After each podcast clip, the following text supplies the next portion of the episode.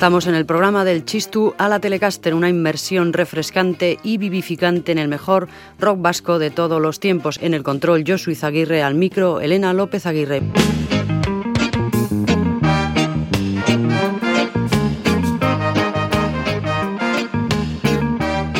Según datos de la Asociación Fonográfica y Videográfica Española, entidad que agrupa a 44 empresas discográficas que representan el 90% de la producción total, la venta de compactos ha seguido la siguiente evolución. Redondeando, en 1986 se vendieron 300.000 compactos, en 1987 un millón, en 1988 2 millones y medio, en 1989 5 millones, en 1990 7 millones. Y en 1991, ojo al dato, más de 13 millones.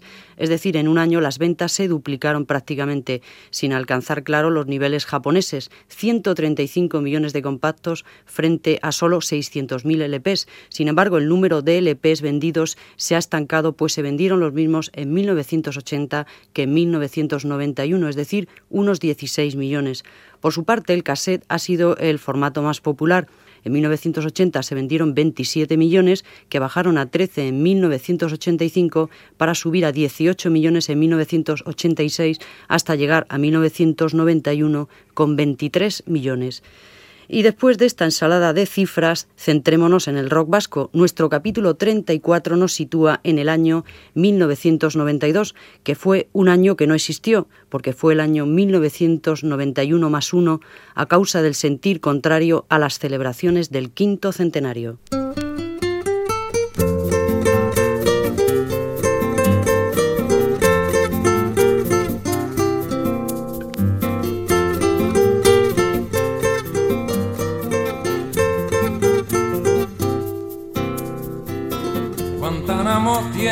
Un son sobre su piel duradera que gira porque hay manera con su ritmo juguetón. Qué manera es la razón, qué palabra impresionante, qué manera militante. Se entrena cada mañana por la base americana, que es una mancha importante.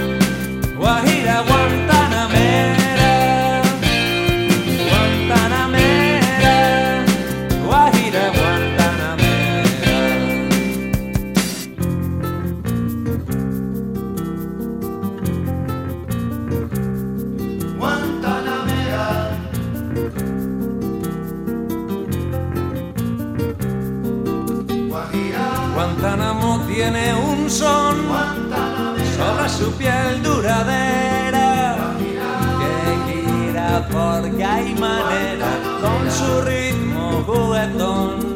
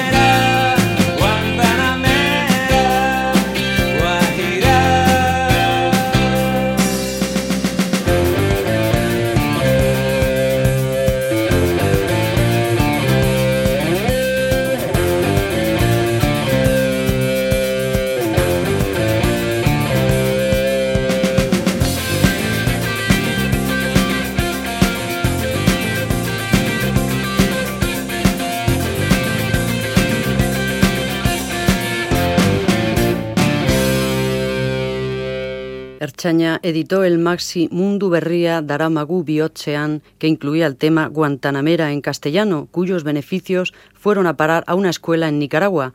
Hemos tenido que oír por parte de los sectores integristas radicales imbecilidades de todo tipo a cuenta de haber cantado en castellano, manifestaba el bajista y compositor de Erchaña, Josu Zabala, en el libro La Confesión Radical. Sentías que la gente te demandaba cosas sin ningún derecho y esto ya hace que surja un mosqueo bastante particular con un sector de la cultura vasca.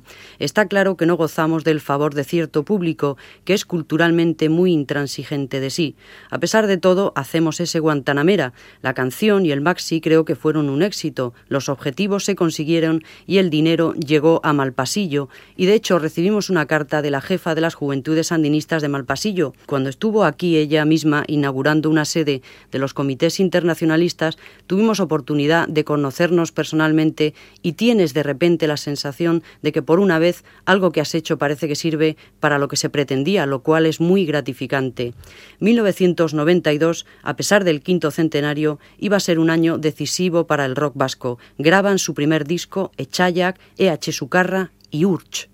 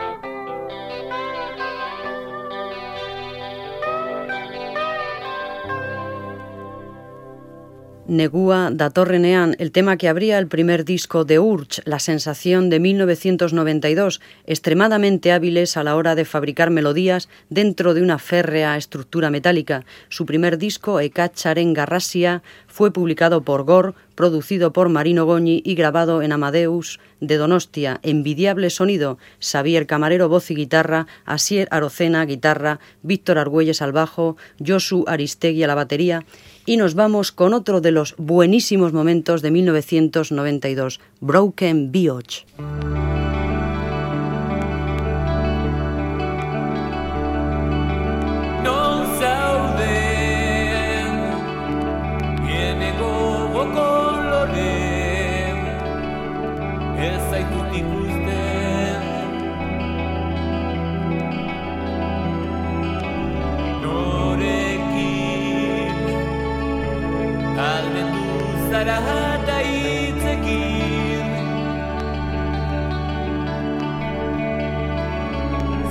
da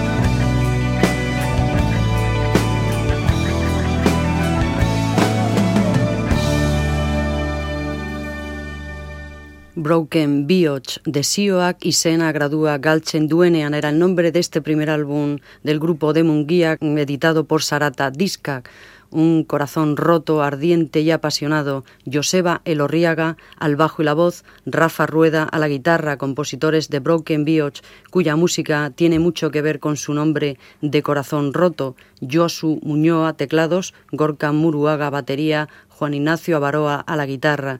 Su debut discográfico encerraba esta balada, Verbísteco Iraganá, con vocación de permanecer. El disco en general despedía una energía, un romanticismo que hacían presentir que Broken Bioch habían llegado para quedarse.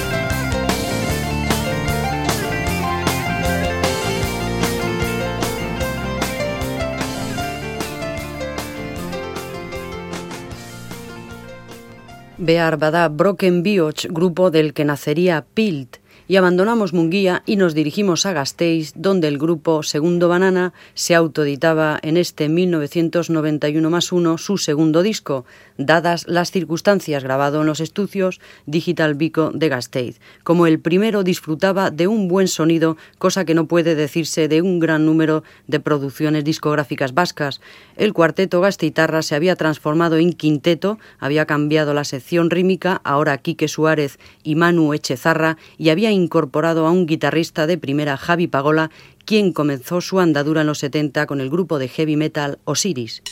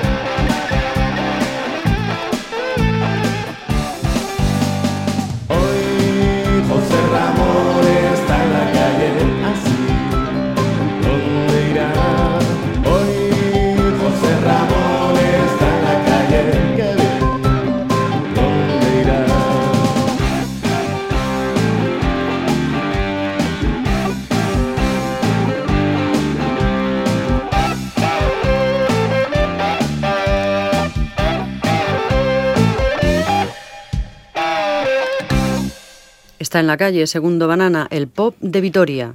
En los 80, las tribus marcaban sus distancias mediante la adopción de looks particulares. Hacían su aparición los punks, skin, heavies, rastas, rockabilly, los mod, los poppies. A finales de los 80 se incorporan las estéticas ocupa, rap, trash, skater, surfer, 60s, pero en los 90 lo que se produce es una recombinación de estilos e indumentarias. La precisión del look y la distancia que establece se reduce en la nueva generación, escribía el sociólogo Jacue Pascual en el libro Telúrica Vasca de Liberación.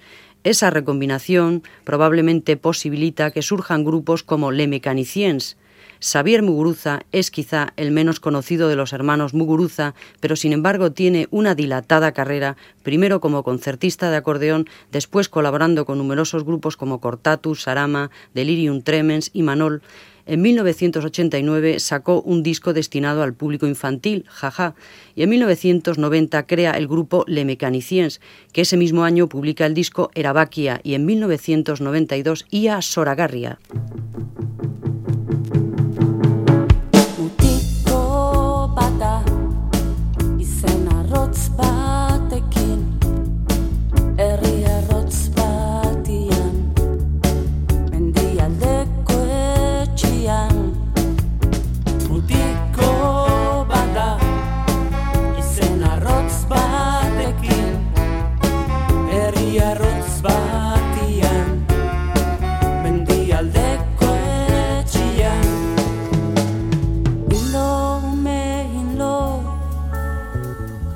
gerraiten dio. Herrira noa da esterna ez. Gauetan ama herrira da.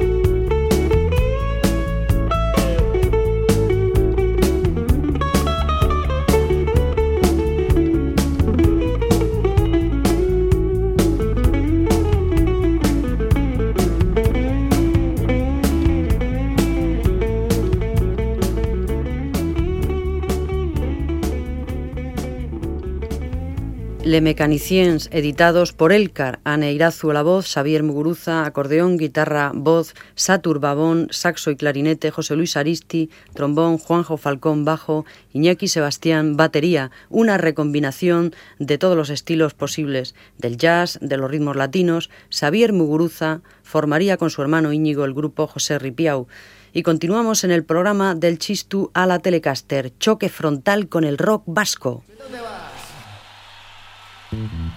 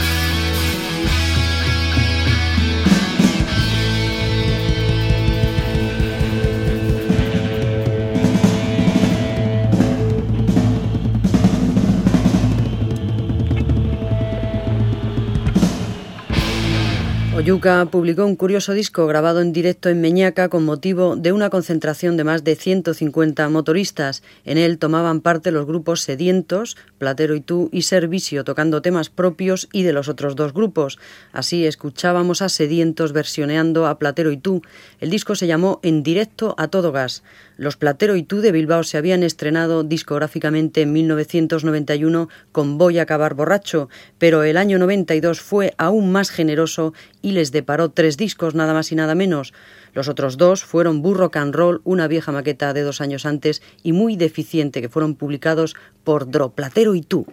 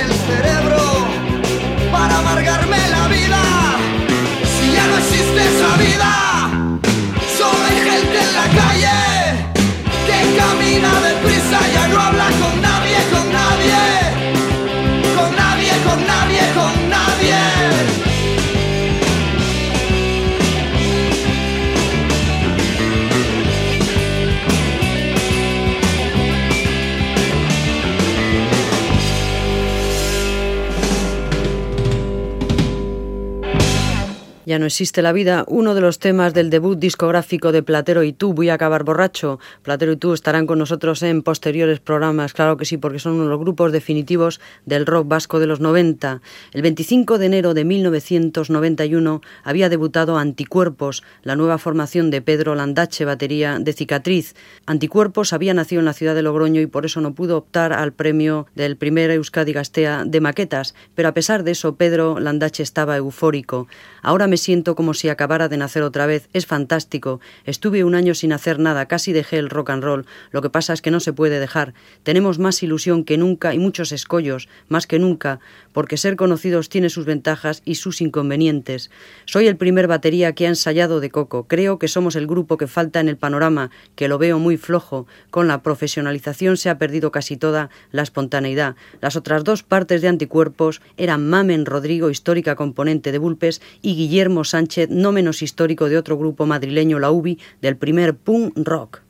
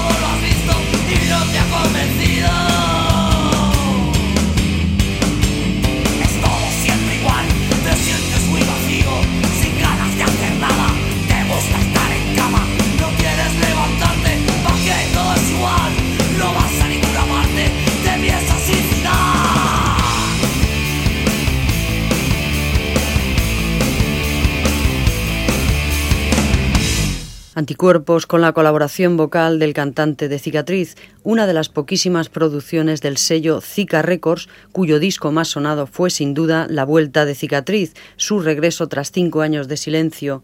El álbum se llamó Cuatro años, dos meses y un día. El segundo disco de Cicatriz, tras el Inadaptados de 1986, significó la resurrección de una banda que todos creían muerta.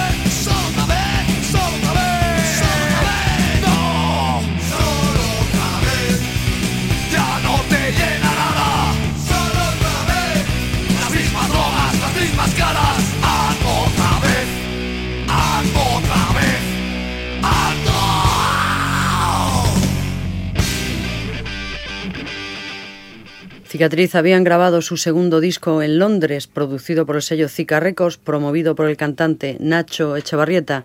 Su momento quizá había pasado, pero ellos tenían el derecho a intentarlo. Rupert Ordolica, Ordorica y los Mugalaris publicaron en 1992 un mini CD con cuatro temas. Había varias novedades en la trayectoria sin sobresaltos del guipuzcoano. Por una parte, Rupert estrenaba su propio sello discográfico, Emac Bakia Records. Por otra, se presentaba, digamos que oficialmente ligado a los Mugalaris. Además, la vena negroide, funky, sulera, correteaba por las estrías. No debemos olvidar que Rupert había dejado claro desde muy al principio de su carrera que Otis Redding estaba entre sus músicos de cabecera. El cantante había roto también su tendencia a publicar cada cinco años. Podríamos decir que este CD era la consecuencia musical de sus estancias neoyorquinas en las que Rupert Ordorica se había desinhibido del corsé del folk rock. En Nueva York, Rupert conoció al realizador Daniel Calparsoro, que dirigiría un clip del tema Agurraren Lesioa, presentado en la siguiente edición del festival Gasta de vídeo musical. Pero vamos a escuchar otro de los temas, que el Dirique Segón, aunque sea desastroso ese camino que tienes delante, si te gusta andar por él, tómalo, no te quedes quieto, no les hagas caso a los que hablan de ti pero no cuentan contigo, son tus enemigos, tampoco me creas a mí del todo, ten cuidado, no te quedes quieto, bienvenidos al baile de la jungla vasca.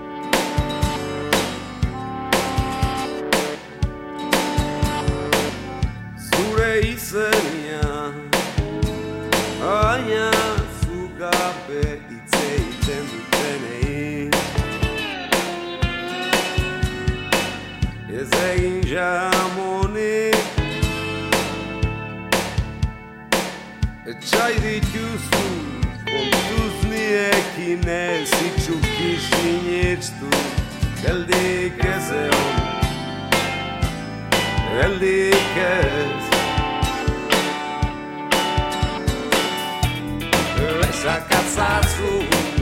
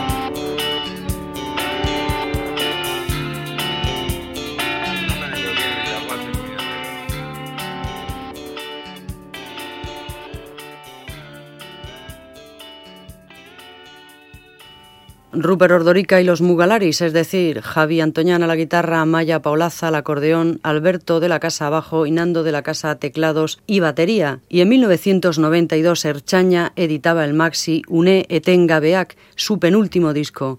Cuando grabamos el maxi teníamos ya más claro que el grupo no podía seguir y además yo creo que fue lo mejor que pudimos hacer. Nuestro tiempo también se agota por hoy y con este maxi UNED Etenga Bea de Erchaña nos vamos. Estuvo en el control Josu Isaguirre y estuvo en el micro Elena López Aguirre.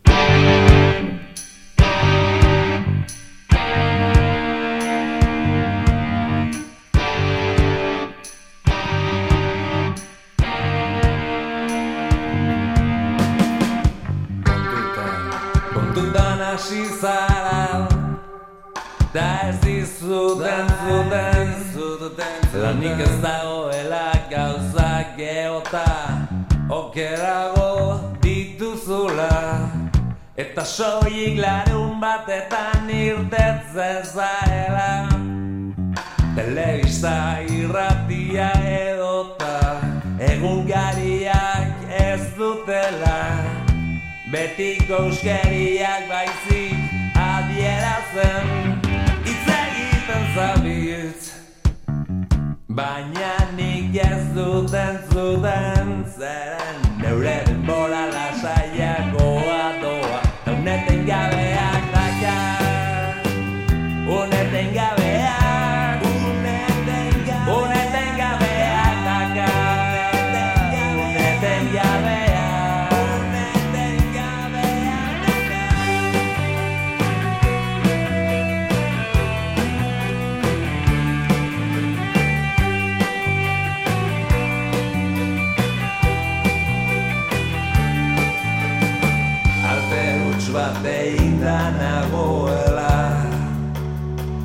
esaten bidaia Uzteko bizi modu txarta txorak eri hauek Eta dea badu dala Neure buruari aurreiteko Ikuste zalala adibidez anaien jarrera.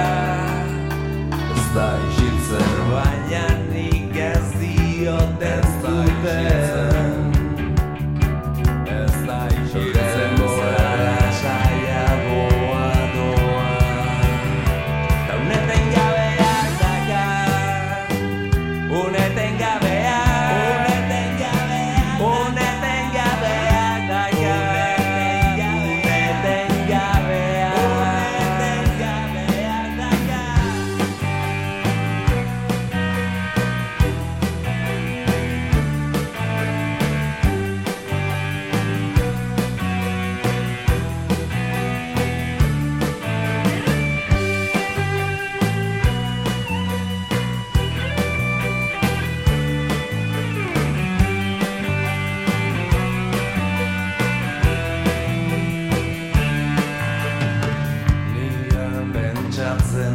batzuetan ere.